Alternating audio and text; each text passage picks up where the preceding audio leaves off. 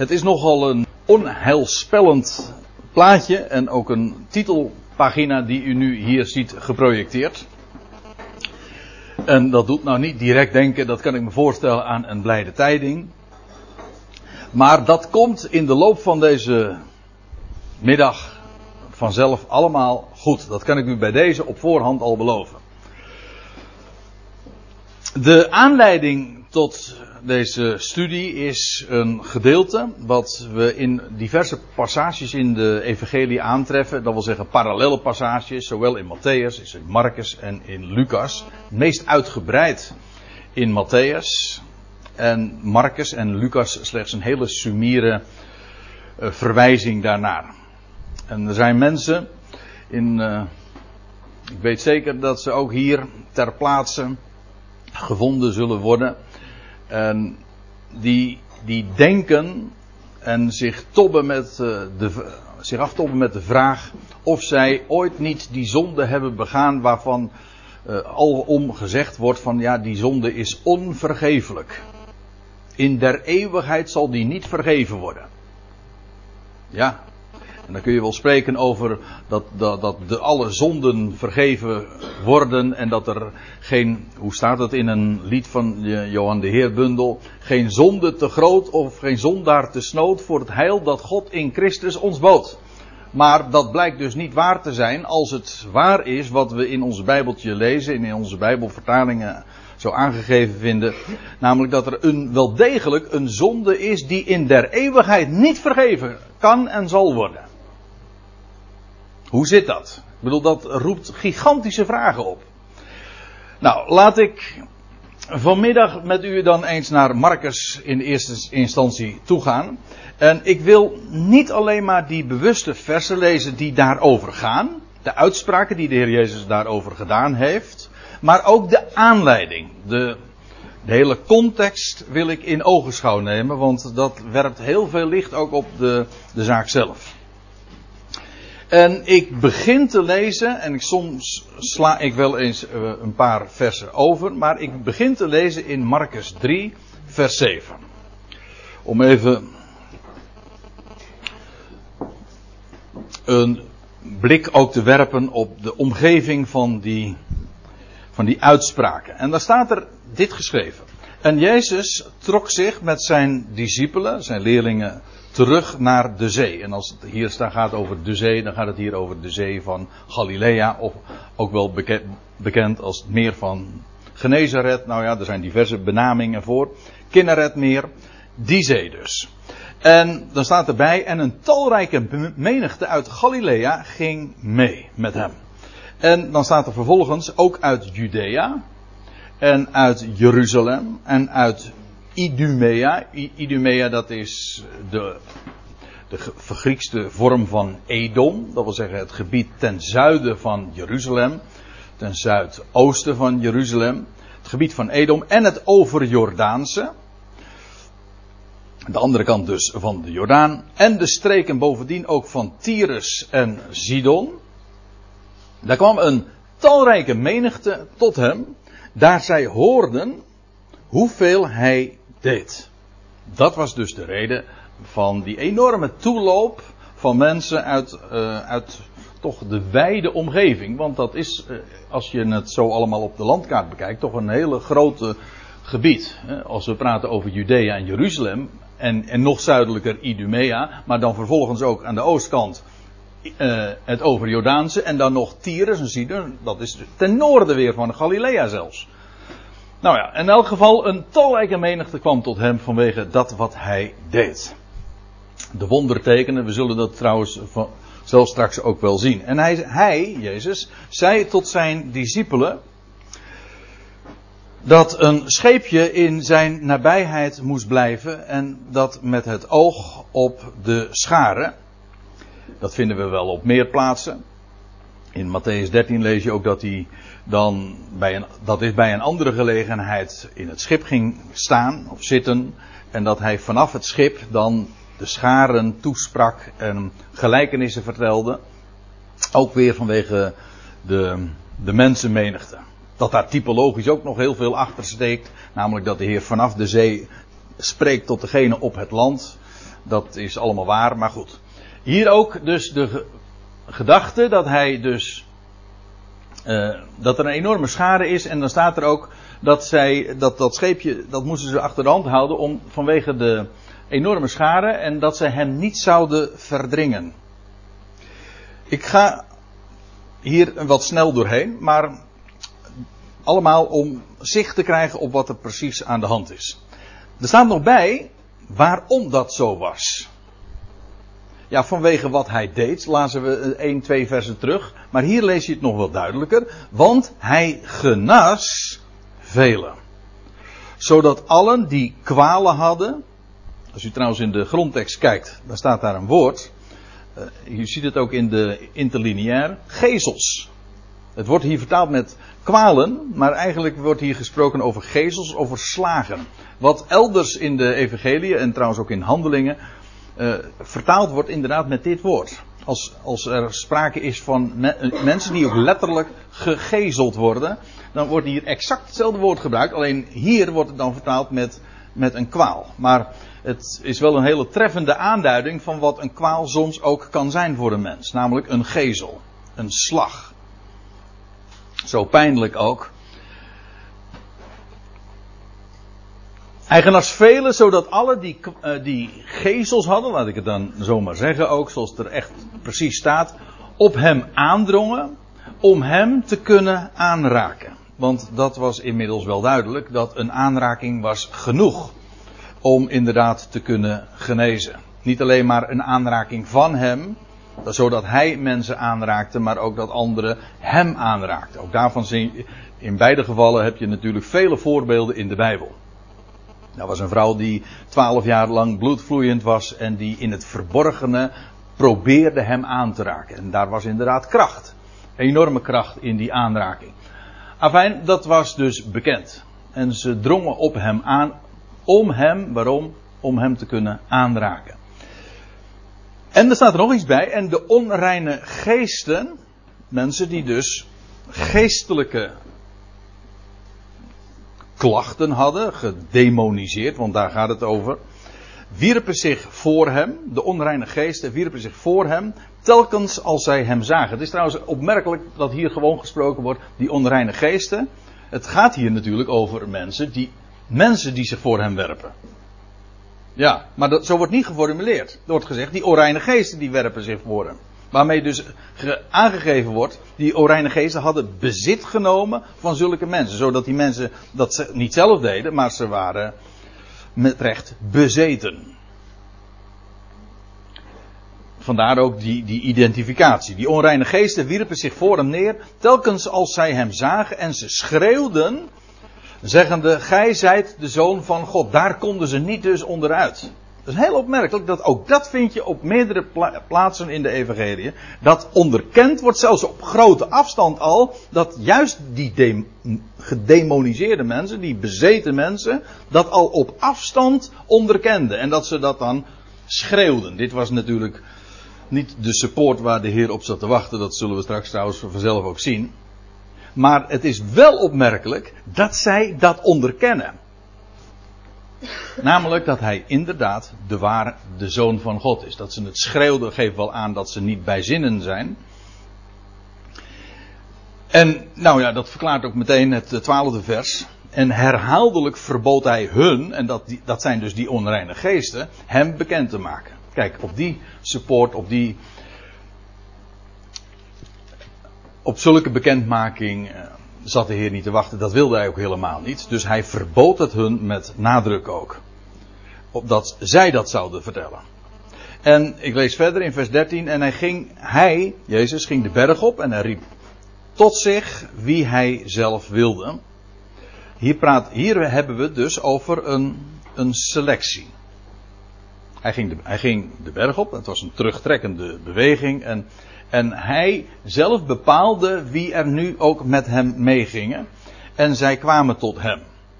En hij stelde er twaalf aan, staat er in vers 14, opdat zij met hem zouden zijn. Ongetwijfeld is de kring veel groter geweest die met hem meeging, maar een twaalftal, want zo staat het er letterlijk. U ziet dat Het is het grote voordeel als je zo'n interlineair hebt en je kunt het op die manier ook meelezen. Dan kun je iedere keer uh, een vergelijking maken met wat er precies staat. Want er staat eigenlijk niet, wordt hier niet gesproken over aanstelling, maar over hij maakt. Hij maakt een twaalftal. Dat streepje daarvoor, dat horizontale streepje, dat is, dat is in het Grieks een aoris. Dat wil zeggen, het staat in een onbepaalde tijdsvorm. Hij maakt. Hij, maakt, wat maakt hij? Namelijk een twaalftal. Dat is een heel een markant getal. Dat twaalftal dat herinnert aan heerschappij, maar het herinnert uiteraard in het bijzonder ook aan de stammen van Israël. Het herinnert sowieso aan Israël. Het twaalftal wordt uitgezonden tot het huis van Israël. Hij maakt een twaalftal. Waarom? Wel opdat zij met hem zouden zijn. In de eerste plaats natuurlijk ook om onderwezen te worden. En staat er ook bij, opdat hij hen zou uitzenden om te prediken of te proclameren. Hier staat eigenlijk het woord voor herauten. Om bekendmaken.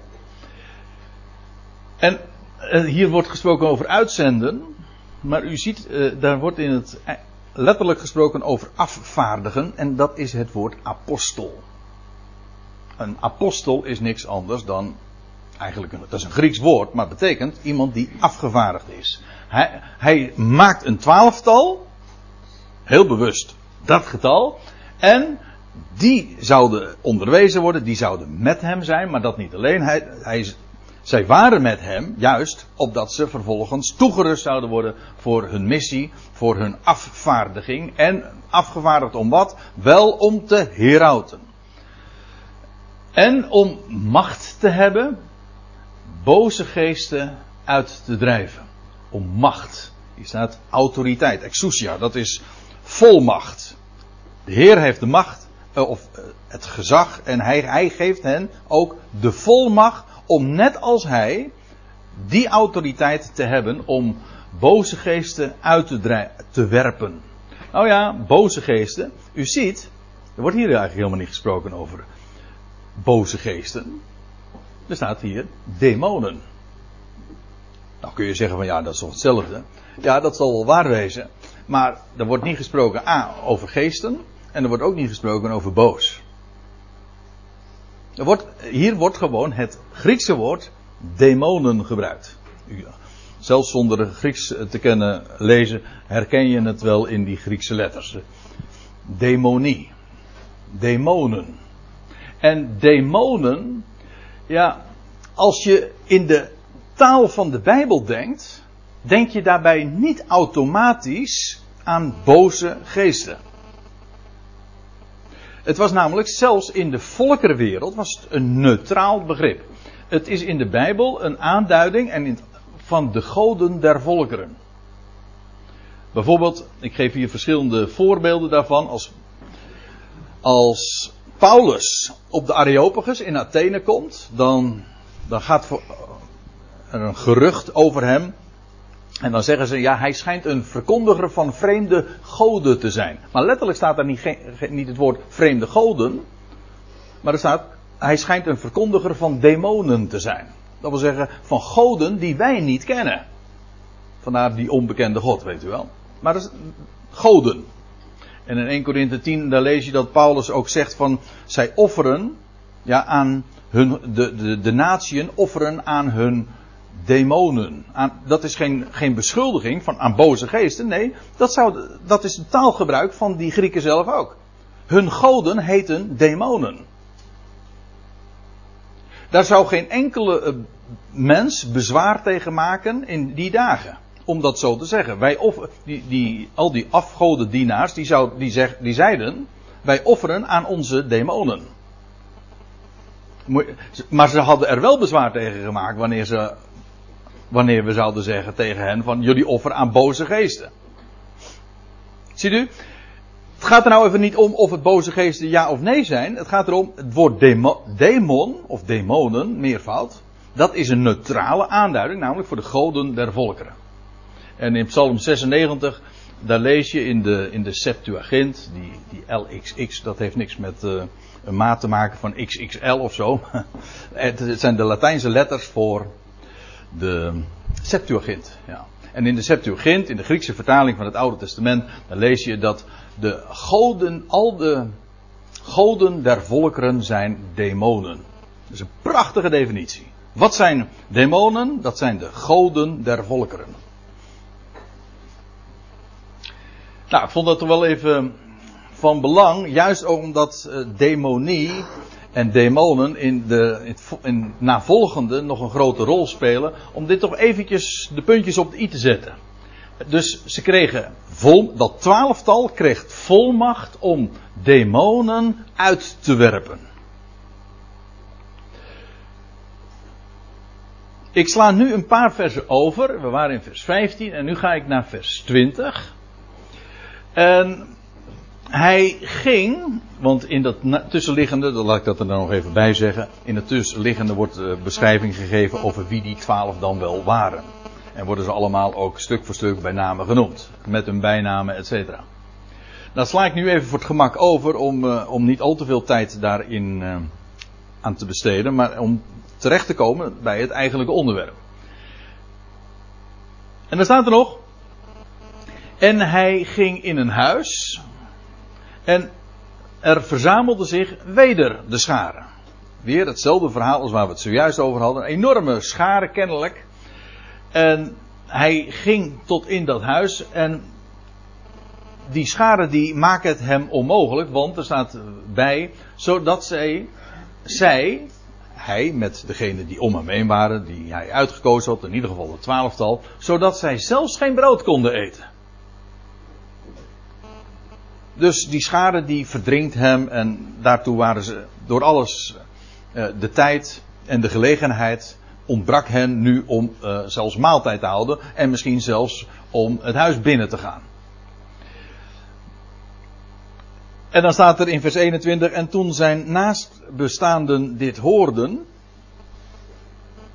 Ja, nou, die naastbestaanden, uh, u ziet het ook hier in de interlineair, uh, dat eigenlijk zijn degenen die bij hem zijn. Ik heb uh, gezien in de voorbereiding dat als je nou verschillende vertalingen raadpleegt, dan zeggen sommige vertalingen zijn verwanten. Staat de vertaling als ik me niet vergis? Klopt dat? Ja. Oh, de herziende statenvertaling. Sommigen zeggen zijn, zijn verwanten. Anderen uh, zeggen, spreken dan weer over degene die daar in dat huis waren. Uh, letterlijk staat er gewoon degene die naast hem waren of bij hem waren. Wel, die hoorden dit. Nou ja, dat, dit staat er trouwens ook niet eens. Die hoorden. Ja, dus degene die bij hem waren, die hoorden en ze gingen heen. Nou, dat staat er ook niet. Ze kwamen uit. Eh, eventjes nu de vraag dan stellen, waar kwamen ze uit? Ja, ik kan maar één antwoord bedenken en dat is uit het huis. Hij, ze, ze gingen namelijk het huis binnen, maar ze werden belet door de scharen. En nou vervolgens, degene die, dat, die daar bij hem waren en of die hem verwachten, die maaltijd met hem wilden gaan houden, brood met hem wilden gaan eten, wel, die gingen vervolgens, ze kwamen uit om hem te halen. Nou ja, eigenlijk om hem te vatten, om hem, eigenlijk wordt dit woord meestal weergegeven met grijpen. En dat is niet zo aardig hier, want dus, dat blijkt wel. Vervolgens staat er, want ze zeiden, hij is niet bij zijn zinnen. Hij is buiten zichzelf, zeggen de meeste vertalingen. Woord dat een beetje, dat ook te maken heeft met ons woord extase. Buiten zichzelf. Ja. Dus, uh, aan de ene kant dus een enorme mensenmenigte die naar hem toe willen gaan, maar die hem de tijd en de gelegenheid ont, ontnemen om zelfs maar fatsoenlijk te kunnen eten. Maar een, degene die, die daar in dat huis waren, die willen dat beletten en die willen hem vastgrijpen, want ze denken echt, die man, die is niet bij zinnen. Die is buiten zichzelf. Kijk, houd dit even vast, want dit blijkt dus de, de opstap te zijn naar het, het onderwerp waar we het vanmiddag over hebben. Want dit is natuurlijk al een, een beschuldiging van heb ik jou daar. Wat hier tegen, of niet tegen, maar over de Heer gezegd wordt. Hij is niet bij zinnen, hij is buiten zichzelf. En maar het gaat veel verder nog. Want dan lees je in het, uh, in het volgende vers, 22, en de schriftgeleerden die van Jeruzalem gekomen waren, alsjeblieft, dit is dus in Galilea, in het, bij het meer van Kinneret, van Genezeret. Maar er was dus een delegatie van geestelijke theologen, zouden wij zeggen. Geestelijke leiders, nou ja, schriftgeleerden. Die geacht worden die zich bezig te houden met wat er staat geschreven. En dat ook te kennen. Wel, er was een delegatie van Jeruzalem gekomen. Letterlijk staat er trouwens die afgedaald was. Wat ook heel letterlijk het geval was, want Jeruzalem dat ligt pakweg 700, 800 meter boven de zeespiegel. Maar die zee van Galilea is een van de diepste punten van de, van de hele aarde. Weet u hoe diep het ligt? Beneden de zeespiegel? 200 meter. Ja, dat is heel diep. Er is maar één plek die nog dieper eh, beneden, uh, dieper uh, de zeespiegel ligt. En dat is de Dode Zee. Dat is 300 meter als ik me niet vergis. Of 400 meter zelfs. Het, het zakt trouwens nog steeds, want. Hè? In elk geval. Het zijn, de, het zijn de laagste delen der aarde. Ik zeg het er even zo bij. En de Bijbelkenners onder u weten dat ik nu zinspeel op een vers in de Efezebrief. Waar ook staat dat hij, gaat het over onze Heer, hij, hij die nu opgevaren is naar de, in de, uh, naar de hemel. En de hoogste positie inneemt. Er staat, hij die is opgevaren naar de hoge, is ook afgedaald naar de lagere aardse gewesten. De benedenste delen der aarde, zegt een andere, de Statenvertaling geloof ik, ja. En dat kun je wat mij betreft zelfs heel letterlijk nemen. Want het zijn inderdaad de laagste gebieden op, op de hele aarde. In Nederland kunnen we er ook van. Ons land heet zelfs zo. Heeft ook zijn naam ontleend aan, eh, aan de positie ten, opzichte, van de zee. Wij liggen heel erg laag. Het lage land. Het vernederland. Maar dit, dit gebied was nog veel lager. Afijn. Die schriftgeleerden die waren dus van Jeruzalem afgedaald. En zij zeiden, en dat is nog even andere koek dan die beschuldiging die we in het voorgaande vers lazen. Hij heeft Beelzebul. En nou zou je de vraag kunnen stellen natuurlijk, wat is Beelzebul? Nou, dat blijkt niet zo moeilijk te zijn, want meteen in het vers daarvoor, of in, in hetzelfde vers nog, dan wordt het al vertaald, of niet vertaald, maar ook meteen beantwoord. Er staat namelijk, en door de overste van de boze geesten drijft hij de geesten uit. Dus dan weet je meteen wie zij bedoelen met Beelzebul. Maar laten we even die naam zelf ontleden. Beelzebul, het komt uit het Hebreeuws. En het wordt met twee woorden in verband gebracht. Met, nou in ieder geval dat BL, dat, dat komt van Baal. En Baal betekent Heer. En het wordt dan uh, weer gegeven of afgeleid van Heer van het huis. En dat blijkt inderdaad de gedachte te zijn. We komen daar straks op terug. Want het is juist naar aanleiding van, van deze naam. dat de Heer vervolgens ook een, een gelijkenis vertelt. Een korte gelijkenis. En het wordt trouwens ook nog met een ander woord uh, in verband gebracht. Baal Sefuf. En dat is de Heer der Vliegen. Nou, dat is nou niet echt complimenteus natuurlijk. Hè? Als je Heer der Vliegen bent. Maar ik, ik vond het toch eigenlijk wel mooi om het daarmee in, uh, in verband te brengen. Want dan weten we meteen dat we het niet eigenlijk over het uh, hoogste soort hebben. Demonen. En zelfs de overste, dat is, hij is de Heer der Vliegen.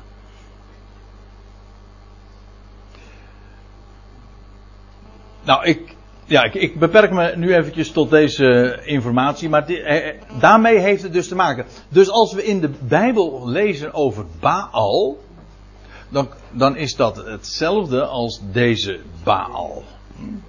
Het, het is dus inderdaad een god, een godheid, of hij wordt geacht een godheid te zijn. De Baal, en in dit geval is hij de, de Baal, Baal, uh, uh, Zevul. de Heer van het huis. Ja. En dat is dus wat die schriftgeleerden notabene zeggen over Jezus. Niet, ze zeggen het niet trouwens tegen hem. Ze zeggen niet u hebt Beelzebub. Nee, hij heeft. Dus in de, in de derde persoon. Ze zeggen dat dus tegen die schare kennelijk. Die daar zich helemaal heeft samengedromd. En, en tegen hen zeggen zij, hij heeft Beelzebub. Ze, ze weten het dus eigenlijk al op voorhand. Ze waren gekomen om te kennelijk te inspecteren. Er was een, eh, een, enorme roep van Jezus uitgegaan in alles wat hij deed. En nou, er komt nu een delegatie uit Jeruzalem van hoge heren, van schriftgeleerden. Maar ze weten al op voorhand wie, met wie ze te maken hebben. Namelijk, hij heeft Beelzebul. En door de overste van de demonen, want ook hier staat weer hetzelfde woord. En door de overste van de, de, de demonen drijft hij de geesten uit. Of letterlijk ook, hier staat weer, drijft hij die demonen uit. Maar dat is natuurlijk een hele dwaze gedachte. En dat is precies ook wat de Heer meteen in zijn repliek aanwijst. Want lees met mij mee, in vers 23. De Heer eh, was dit kennelijk ter oren gekomen. En dan lees je dat hij er zo op reageert. En hij riep hen, die schriftgeleerden dus, die delegatie die uit Jeruzalem was gekomen, die hem van deze dingen beschuldigt. Eerst in dat huis wordt er al gezegd van hij, wordt er al door, door mensen gezegd hij is niet bij zinnen, maar zij deden nog een schepje bovenop. Zij zeiden zelfs op voorhand, ondanks de geweldige wondertekenen die er gebeurden, zelfs de demonen moesten erkennen dat hij de zoon van God is. Hij, zij weten te melden of zij beschuldigen hem ervan dat hij dat doet door Beelzebul. En hij riep hen tot zich, die delegatie, en hij sprak tot hen in gelijkenissen. En hij geeft ook meteen trouwens aan in het kort wat die gelijkenissen beduiden. Want kijk maar op, kijk maar met me mee, want er staat er in het einde van vers 23. Hoe kan, niet de, maar hoe kan Satan Satan is trouwens een Hebreeuws woord en dat betekent tegenstander. Hoe kan Satan Satan uitdrijven? Dat is toch absurd? En waarom dat absurd is, dat gaat de Heer dan door op drieërlei wijze duidelijk maken. In, hij is, in de eerste plaats gebruikt hij de gelijkenis van een koninkrijk. Indien een koninkrijk tegen zichzelf verdeeld is, kan dat koninkrijk zich niet staande houden. Wel, die Satan, die tegenstander, die Baal Zebub, die, die heer van het huis van demonen, die dat alles beheert. En hij beheert heel wat hoor, ook volgens de Bijbel. In de Bijbel zegt, zegt ook van die Satan, die tegenstander, dat hij de God van deze Aion is. Hij, achter alles wat er in deze wereld speelt, en wat deze wereld boos maakt, of deze Aion, dit tijdperk, dit hele wereldtijdperk noemt de Bijbel de boze Aion. En in die boze Aion is die Beelzebul, oftewel de, de heer der vliegen, want wij praten natuurlijk met niet zoveel achting daarover. De heer van dat huis, hij beheerst die Aion. Hij maakt deze Aion ook boos. Hoe? Wel door de waarheid in ongerechtigheid ten onder te houden en door de waarheid te verdraaien. Hij is een tegenstander door de boel door elkaar te gooien. Vandaar dat het woord Satan betekent tegenstander. Maar hoe staat hij tegen? Dat doet hij diabolisch. Diabolisch, diabolos. Dat betekent eigenlijk ook letterlijk degene die door elkaar gooit. De dingen door elkaar werpt. Hij is de tegenstander, Satan, doordat hij, de, doordat hij diaboliseert. Omdat hij de dingen door elkaar gooit. En de waarheid daarmee dus verdraait. Een slag draait en dus door elkaar gooit. En als je de waarheid niet meer kent, dan wordt het duister. Waarheid is licht, duisternis is de leugen. Dat zijn synoniemen in de Bijbel die je zo vaak tegenkomt. Maar hier wordt dus het beeld gebruikt van een koninkrijk. Een koninkrijk met een overste die daar aan het hoofd staat. dat kan niet tegen zichzelf verdeeld zijn. Want dan zou het namelijk zichzelf te gronden richten. En vervolgens, in vers 25, wordt het beeld gebruikt voor een huis. Ik zei al, Beelzebub betekent letterlijk in het Hebreeuws ook heer des huizes. Nou, vandaar ook dit beeld. Indien een huis tegen zichzelf verdeeld is, zal dat huis niet kunnen bestaan. Dat wil zeggen, geen, niet, niet stand kunnen houden of geen stand kunnen houden. En indien de, Satan, de Satan, de tegenstander, opstaat tegen zichzelf en verdeeld is, dat is wat zij beweren. Hij, zij zeggen, die, die delegatie uit Jeruzalem, die hoge heren, die zeggen, hij doet dat door Beelzebul. Hij drijft demonen uit, omdat hij zelf de overste van de demonen is. Nou, en dan zegt de Heer, komt to the point, en dan zegt hij, naast die gelijkenissen, indien de Satan opstaat tegen zichzelf en daarmee dus verdeeldheid is. Het een, hij strijdt tegen zichzelf daarmee dus. Dan kan hij niet bestaan, doch, doch dan is hij aan zijn einde. Dan zou hij zichzelf daarmee dus, heel doelbewust zelfs, te gronden richten. Nou, dat hij zichzelf te gronden richt is tot je dienst, dat is feitelijk doet de leugen dat ook hoor. Maar niet bewust. Zo, inderdaad, wordt aan de tegenstander en de diabolos een enorme intelligentie toegekend, ook in de schrift. Maar hij is niet alwetend. Het is zelfs zo dat de Bijbel zegt in 1 Corinthië 2, als de beheersers van deze aion, 1 Korinthe 2 staat dat, als de beheersers van deze aion geweten hadden met wie ze geweten hadden van de wijsheid Gods, hadden zij de Heere der Heerlijkheid niet gekruisigd. Zij dachten bij de kruisiging de overwinning behaald te hebben, terwijl in werkelijkheid drie dagen later zij zelf ontmaskerd werden. Als ze dus alwetend zijn ze absoluut niet. Maar het is uitgesloten dat een macht, een overste, of het nou van een koninkrijk betreft, of je hebt een huis, of je, eh, je beheert een bedrijf, dan dat je bewust erop uit zou zijn om, om tweespalt in jouw domein te creëren, want daarmee richt je het te gronden. Dat is duidelijk. Niemand die dat doet. Dat is daarom een heel onlogisch besluit, een onlogische gedachte. Het betekent namelijk ook, als zij als Jezus ervan beschuldigen, dat hij zelf demonisch bezig is. Wel, waarom maken ze dan zo'n bezwaar tegen zijn activiteiten? Want dan zou hij dus eigenlijk gewoon niks anders doen dan zijn eigen, het, het satanische werk te gronden richten. Nou, dat, hoe konden ze daar dan bezwaar tegen maken? Dan zouden ze zeggen, dat, dat, is dat is dan mooi geregeld. Laat hem maar lekker doorgaan. Maar dat staat er helemaal niet achter. Het is een heel onlogische gedachte. En de Heer maakt dat gewoon ook door diverse vergelijkingen ook duidelijk. Dan zegt hij nog iets. Dat is ook nog, hij sluit hiermee aan op die beeldspraak van dat huis. En die heer van het huis, die overste van het huis. Maar niemand kan het huis van de sterke binnengaan en zijn huisraad roven. Als hij niet eerst ja, de sterke. En die sterke is hier in dit geval van uiteraard de heer van het huis, die overste van de demonen. Hij kan dat, je kan niet binnengaan en vervolgens de huisraad daarvan nemen. En dat gaat, hier gaat het uiteraard over die demonen, dat is de beeldspraak.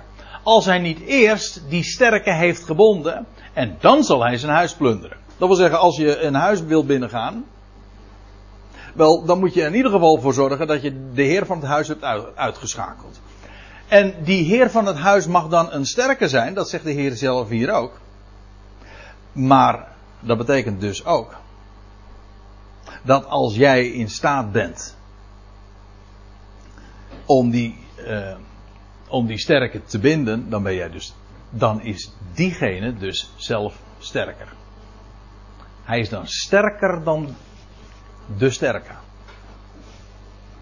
De gedachte is dus, en ik blijf hier ook even bij diezelfde gedachte. Als inderdaad de sterke, die Beelzebul, de god van deze Aion. Of nou, met zijn vele namen, met zijn diabolische activiteiten, de waarheid verdraait en daarmee ook ten onder houdt. Wel, dat is duisternis.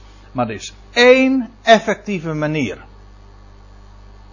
om dat werk aan de kaak te stellen en dat is door het de waarheid te laten klinken. Oftewel, hoe bestrijd je de duisternis?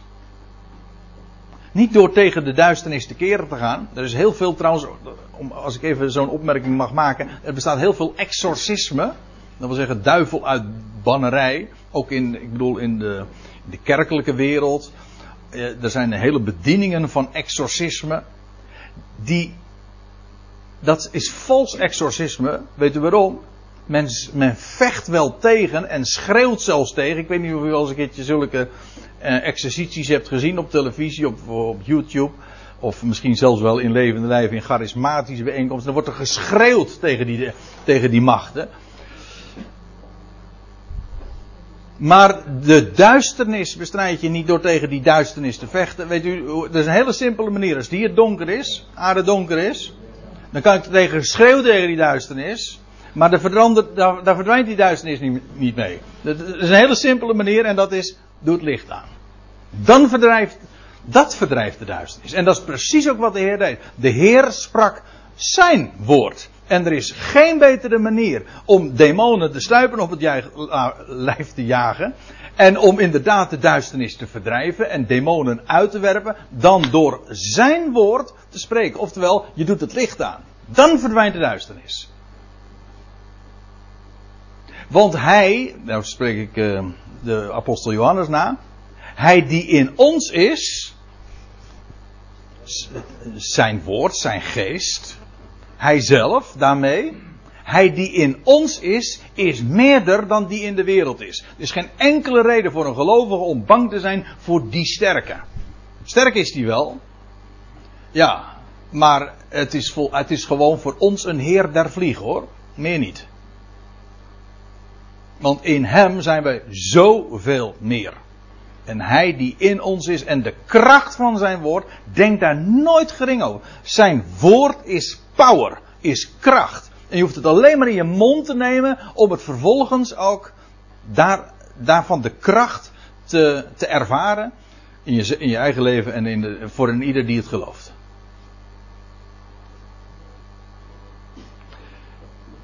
En nou komt het, want nou ja, dit was de, de directe achtergrond.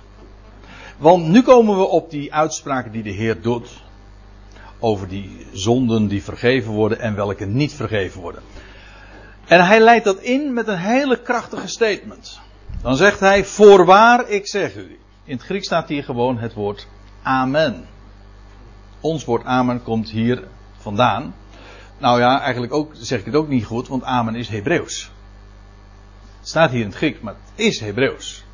Als het bijvoorbeeld staat in, in Genesis 15, Abraham geloofde God, dan staat daar gewoon Abraham beaamde God. Hij zei amen op wat God sprak. God zegt, zo zal je nageslacht zijn. En Abraham zei amen. Dat is geloof. Dat wil zeggen, zo, dat is de waarheid. En als de Heer een belangrijke uitspraak gaat doen, dan, dan leidt hij dat dikwijls in met voorwaarden. Soms zelfs met amen, amen. Dat wil zeggen, om de waarheid daarvan te benadrukken en te onderstrepen. Voorwaar, ik zeg u dat alle zonden aan de kinderen der mensen, aan de zonen der mensen, zullen vergeven worden. En er staat nog bij, ook de godslasteringen, de dat woord wat hier gebruikt wordt, dat is ons woord blasfemie. Blasfemie is eigenlijk ook Grieks woord. En dat is wat hier gebruikt wordt. Ook de lasteringen, ja, in de praktijk zijn dat meestal godslasteringen.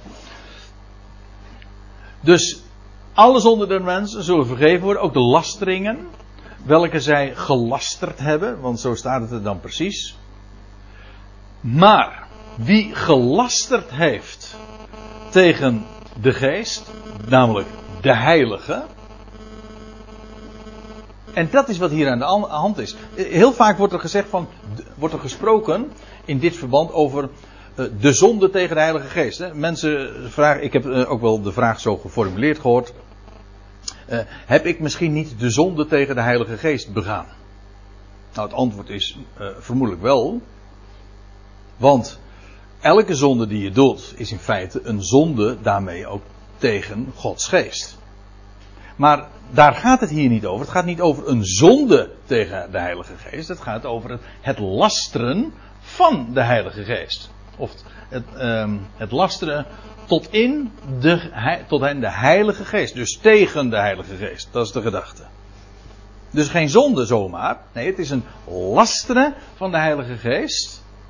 Dus dat wat Gods geest doet. Hou even vast. Waar hadden we het over? Of wat, wat was de aanleiding? De Heer die had gezag over de demonen. En hij, ze werden uitgeworpen. Nou, dat was werk van Gods geest. Van de heilige, van heilige geest. U, u, uh, voelt wel het grote contrast. Aan de ene kant is er dus sprake over onreine geesten. Die demonen zijn onreine geesten. Maar daartegenover staat Gods heilige, heilige geest. Wel, het was Gods geest, onmiskenbaar, die hier aan het werk was. Ook in wat die geesten deden, uitspraken, namelijk gij zijt de zoon van God, maar ook in het feit dat ze de mensen verlieten en dat mensen daarbij weer helemaal bijzinnen werden. En er zijn vele voorbeelden ook in de evangelie daarvan. Nou, dat zien zij. En dan vervolgens zulk werk, demonstratief, zulk wondertekenen, dan toe te schrijven aan de overste der demonen. En dat is het lasteren van de Heilige Geest. En daarvan wordt gezegd. Ik wil nog even één ding zeggen. Wie deden dat hier? Dat is wat die delegatie deed die uit Jeruzalem kwam. Weet u wel? Die mensen die bezig waren met de schrift. Geëerd onder de mensen.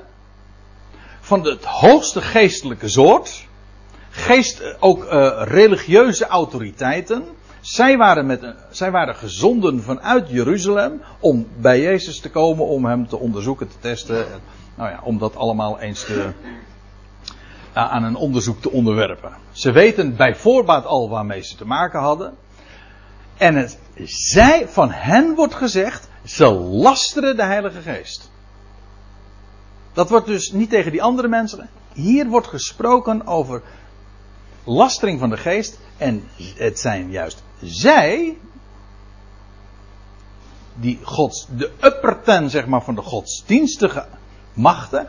Die beschuldigd worden van lastering van de Heilige Geest. En dan zegt de Heer. Ik, ja, ik, ik, terwijl ik het zeg, voordat ik nou even doorga, wil ik nog eventjes dit zeggen. Realiseer je wat er aan, aan de hand is wanneer we het hebben over het woord van God. Wat, waar Satan, de tegenstander, de diabolos, druk mee doende is, is de waarheid ten onder te houden. En dat geldt in het bijzonder uiteraard voor de waarheid van het woord. En waar hij mee bezig is. U, het is niet zo dat, dat hij niks te maken heeft of niks doet met de Bijbel. Integendeel, hij houdt zich daar juist als geen ander mee bezig. Maar wat doet hij daarmee? Verdraaien. Hij is bezig met de schrift te verdraaien. En juist. Zij waren ook niet eerlijk. Ze gingen niet eerlijk om met wat er staat geschreven. Ze gingen niet eerlijk om met iemand die het woord doorgaf. En die ook duidelijk demonstreerde dat dat wat zijn woord uitsprak. En de, de, dat wat uh, de schriften die hij bracht. Dat dat ook echt kracht gods was. En ze, zij beschuldigen hem zo vals op voorhand. Van, uh, van diabolische, van demonische activiteit, wel dat is het lasteren van de Heilige Geest. Juist van hen. Dan weet je ook meteen waar je de echte tegenstand, de echte tegenstand van te verwachten hebt. Wel, daarvan, dan zegt de Heer, wie die geest zo lastert, wondertekenen van mij, of van die, van die Heilige Geest, toeschrijven aan, de, aan demonen, wel, die heeft geen vergeving in eeuwigheid. En terwijl ik het heb over het verdraaien van het woord, denk ik meteen, ik kan geen beter voorbeeld bedenken of geven dan wat we hier lezen. Want dit staat er niet. Dit is nou typisch een voorbeeld van het verdraaien van het woord. Want er staat hier helemaal niet, die heeft geen vergeving in eeuwigheid. En wees je ervan bewust hoe enorm veel ellende hiermee is aangericht. En heeft men het woord nagesproken? In de, de schrift, ik bedoel het origineel, is volstrekt helder hoor. Maar wat heeft men gemaakt? Men heeft van de aion, want dat is wat hier staat. Die heeft geen vergeving. Ja, het wordt hier in de interlineair eh, weergegeven met. Vergeving is eigenlijk laten gaan. Amnestie. Vrijlating. Dat is het woord afesis, dat is, betekent letterlijk vrijlating. Laten gaan. Aflaten. Ja. Maar. Hier, dit woord. Want dat is de bottleneck van de hele kwestie. En dat blijkt iedere keer weer het geval te zijn. Want hier wordt helemaal niet door de Heer gezegd, die zal geen vergeving in eeuwigheid hebben, maar tot in de aion.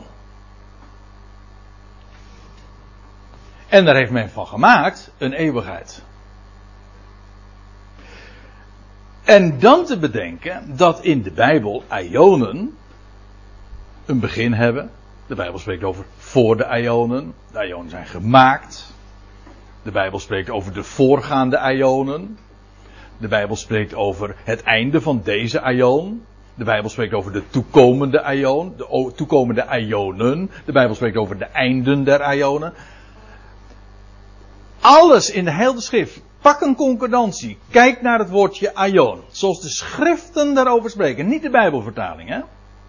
Nee, zoals de schriften die geïnspireerd zijn spreken over de ionen, dan is het één ding zonneklaar en dat is, ionen hebben een begin en ionen hebben een einde. En God heeft een plan der ionen en dat werkt hij volmaakt uit. Maar even dit. Dit moet helder zijn. Hier wordt niet gesproken over eeuwigheid, maar over aion. En men heeft die aion gemaakt. Men, men, men kan een Nederlands woord daarvoor weergeven, eeuw. Dat wordt ook, we zullen dat straks uh, trouwens ook zien. Dat, daar is op zich niks mis mee.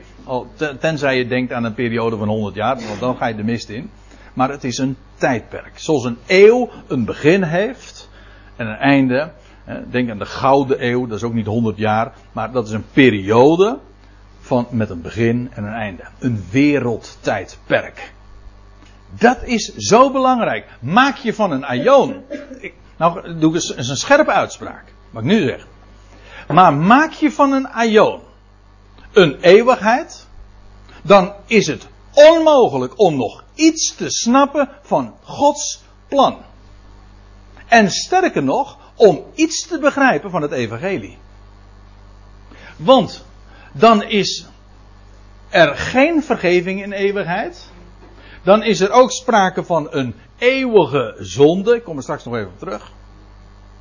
Dan is de zonde eeuwig, dat wil zeggen eindeloos. Gaat door. Want de eeuwigheid heeft toch. Dat is toch een.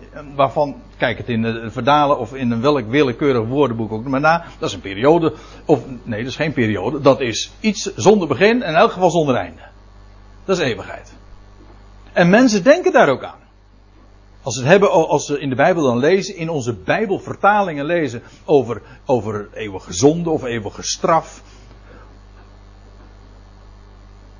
Of eeuwige toren. Zulke begrippen. Dan denkt men, en dat is ook wat de vertalers hebben overgebracht, aan eindeloosheid. En dus komen we nooit meer van die zonde af. En nooit is die toren heeft geen einde. En de dood heeft geen, de eeuwige dood, dat heeft dan geen einde. Weg evangelie, want het evangelie is nu juist dat God een plan heeft van ionen, van wereldtijdperken, waarin de zonde te niet gedaan wordt. Hoezo eeuwige zonde? ik weet, ik, als ik het even zo mag zeggen, zo'n vertaling, dat noem ik eeuwig zonde. Als ik het dan ook maar, oh, eens uh, zo mag gebruiken.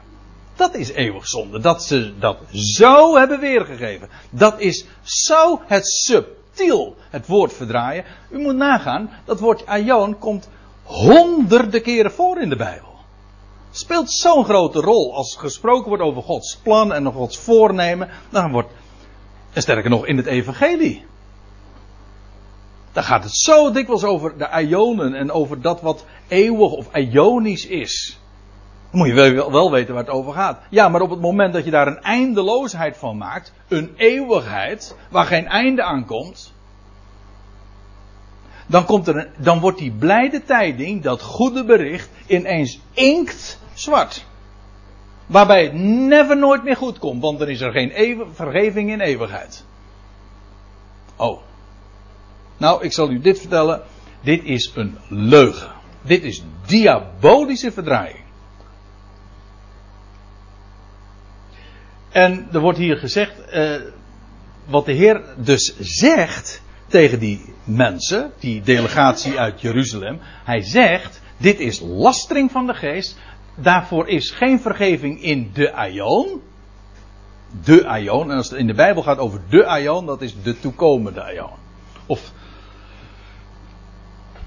Ja, nee, tot in de aion. Dus daar is geen vergeving voor in deze aion, nog in de toekomende. Ik zeg het expres even zo, kom daar ook nog op terug. Maar hij staat schuldig, of eigenlijk letterlijk staat hij is gedoemd.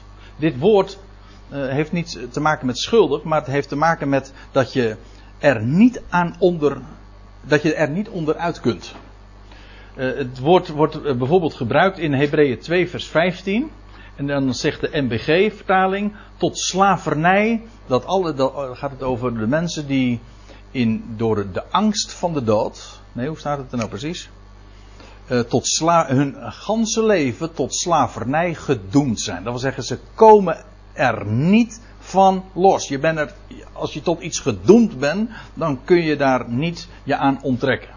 In de Statenvertaling staat tot aan de der dienstbaarheid onderworpen. Dat wil zeggen ook, ook weer iets waarbij je. Ja, wat. Waar je onder ligt en wat. Waar je niet van los kunt komen. Je bent ertoe gedoemd. Wel, hier zegt de Heer ook. Als je lastert als je de geest zo lastert. Theoloog, hè? Bewust. Gods activiteiten, de activiteiten van de Heilige Geest demonisch noemt, tegen beter weten in. Daarvan zegt hij dat daarvoor is geen vergeving tot in de aion, maar hij, je bent gedoemd aan de eeuwige zonde. Dat wil zeggen, het is een, eigenlijk een ionische zondedaad. Tot in de ionen kom je daar niet meer van terug. Het betekent, probleem is niet dat God dat niet zou kunnen vergeven. Het punt is dat iemand die zo doet, die komt niet meer tot inkeer. Dat is een ionische zonde. Zoals de Bijbel trouwens ook bij diverse gelegenheden spreekt over mensen die verhard worden. Dat is, een, iets, dat is een andere beeldspraak natuurlijk, ook een andere aanduiding. Maar als God, zoals God ogen opent, zo kan hij ook harten verblinden en ogen verblinden. Wel, hier wordt gesproken over een ionische zonde. En dat het inderdaad zo is, nou, laat ik eerst nog even vers 30 nog lezen van Marcus 3. Hier wordt, uh, hier wordt dat bevestigd waar we tot, wat we tot dusver hebben gezien. Immers, zij zeiden, hij, Jezus, heeft een onreine geest. Dat was die lastering van de Heilige Geest. Ze wisten dat het niet waar was. Ze hadden het ook kunnen weten. Maar juist die welbewuste uh, uitspraken en beschuldiging was een lastering van de geest. En daarvoor is geen vergeving tot in de aion. Nou, het is een, je bent daarmee gedoemd aan een ionische zonde. Daar kom je niet meer van terug. Als je, als je, zo in, als je zulke dingen zo, zo zegt. Je zou zelfs trouwens de vraag kunnen stellen of mensen die zonde vandaag zouden kunnen doen. Het gaat hier over dingen, over wondertekenen die de Heer deed door Gods geest. E- e- heel evident.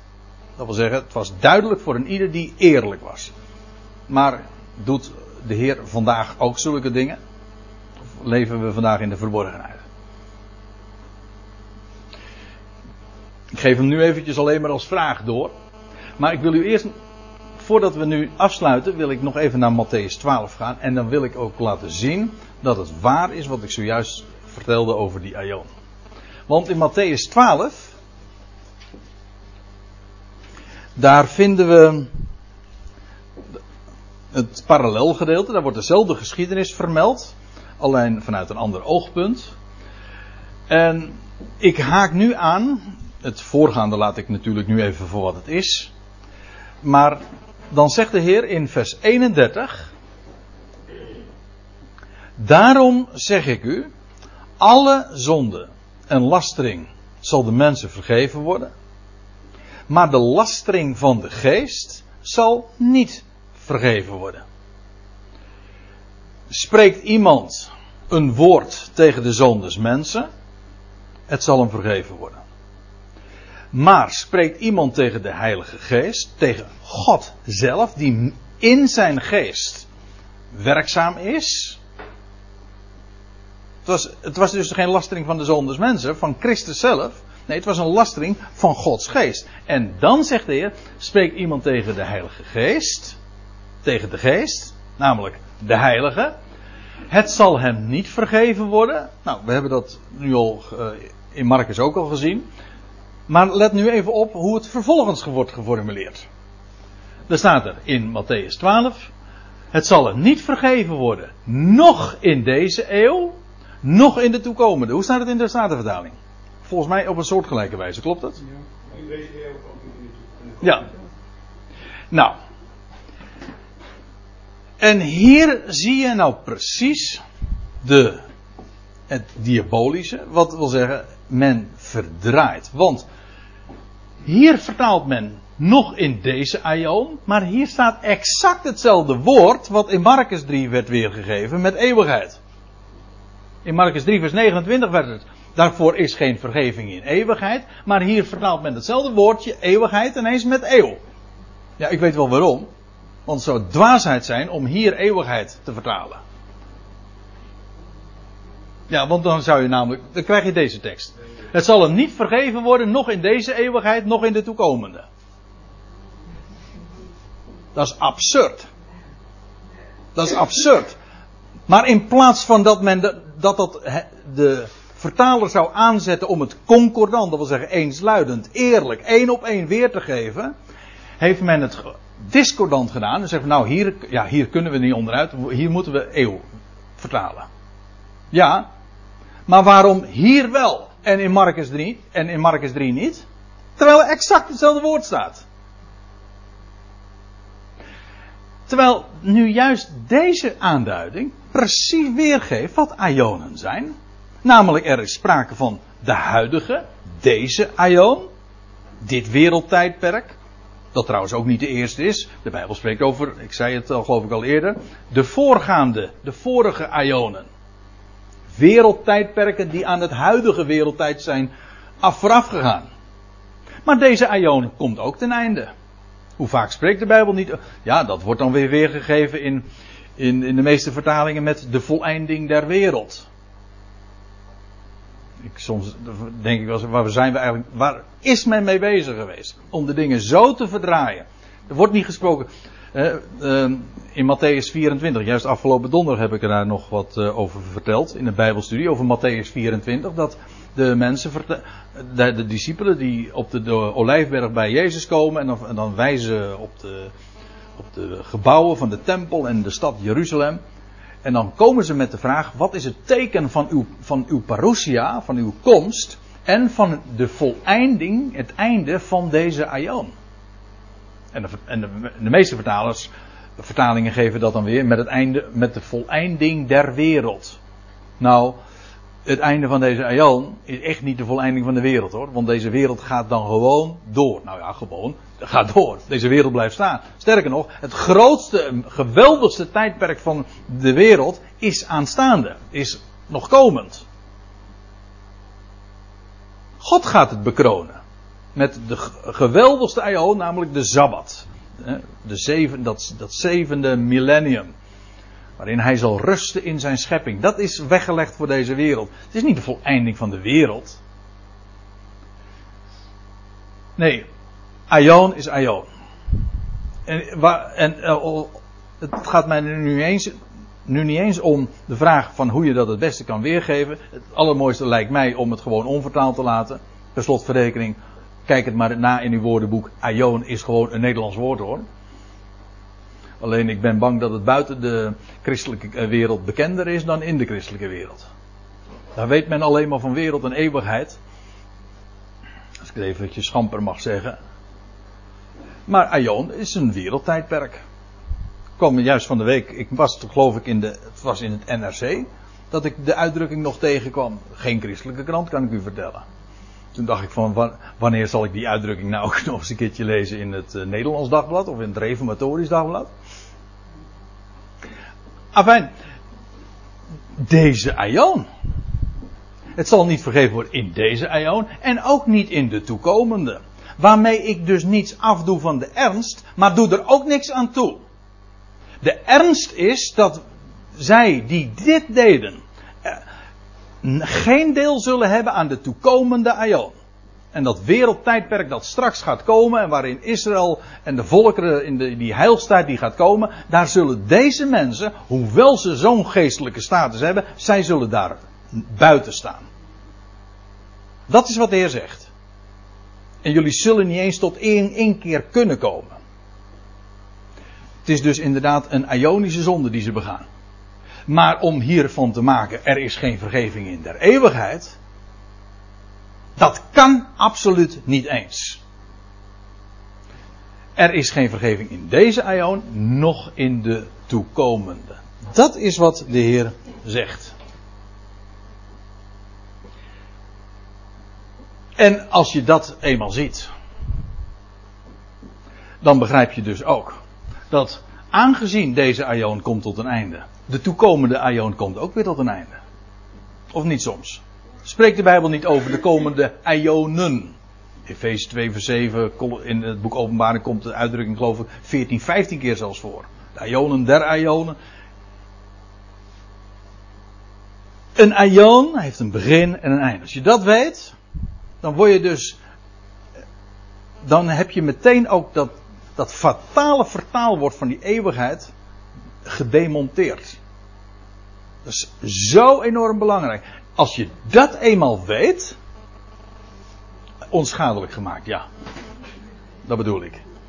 Dat moet je weten. Om zicht te krijgen op Gods plan, moet je weten dat Ionen tijdperken zijn. Een begin en een einde hebben. Als je dat niet weet, dan, dan verandert die blijde tijding ineens een, een dramatisch gitzwarte boodschap. En is de God die wij hebben, de levende God, ineens een loser, die met de eeuwige zonde in zijn maag zit. Want uiteindelijk is het een ontering van God. Dat God altijd met de, dat er aan die zonde nooit een einde komt. Of dat er aan zijn toren geen einde komt. En dat er aan zijn oordelen geen einde komt. Of dat er aan de dood geen einde komt. Maar is het de blijde boodschap nu juist niet dat dat juist wel zijn vervulling vindt? Gods toorn is niet zomaar. Gods toorn heeft een doel. Namelijk om recht te zetten. En die dood heeft het,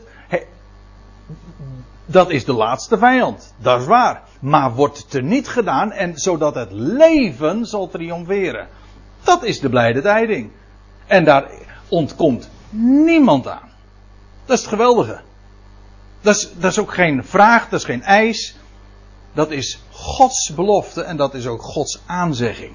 En dat kan je geloven, je kan het ook niet geloven, maar dat is gewoon de waarheid. Niemand staat daar buiten. Maar dan moet je niet van een aion een eeuwigheid maken. En als je dat ziet, ja, dan kun je dus gewoon het evangelie geloven. Dan kun je bijvoorbeeld, en dat is het laatste diaatje wat ik heb, Romeinen 3. Ik, en ik herinner me de eerste keer dat ik in uh, Urk mocht spreken. op uitnodiging. Toen hebben we het gehad. Dat was op uh, trouwens hervormingsdag. Sorry?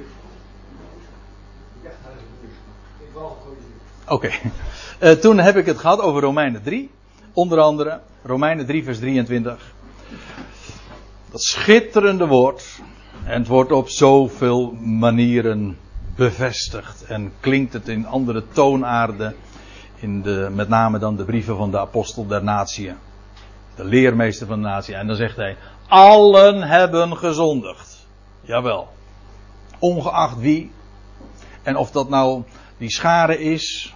Waar we het zojuist over hadden. Of die delegatie uit Jeruzalem. Eh, er zijn gradaties, absoluut. Maar één ding hebben we allemaal gemeenschappelijk. Namelijk allen zondigen.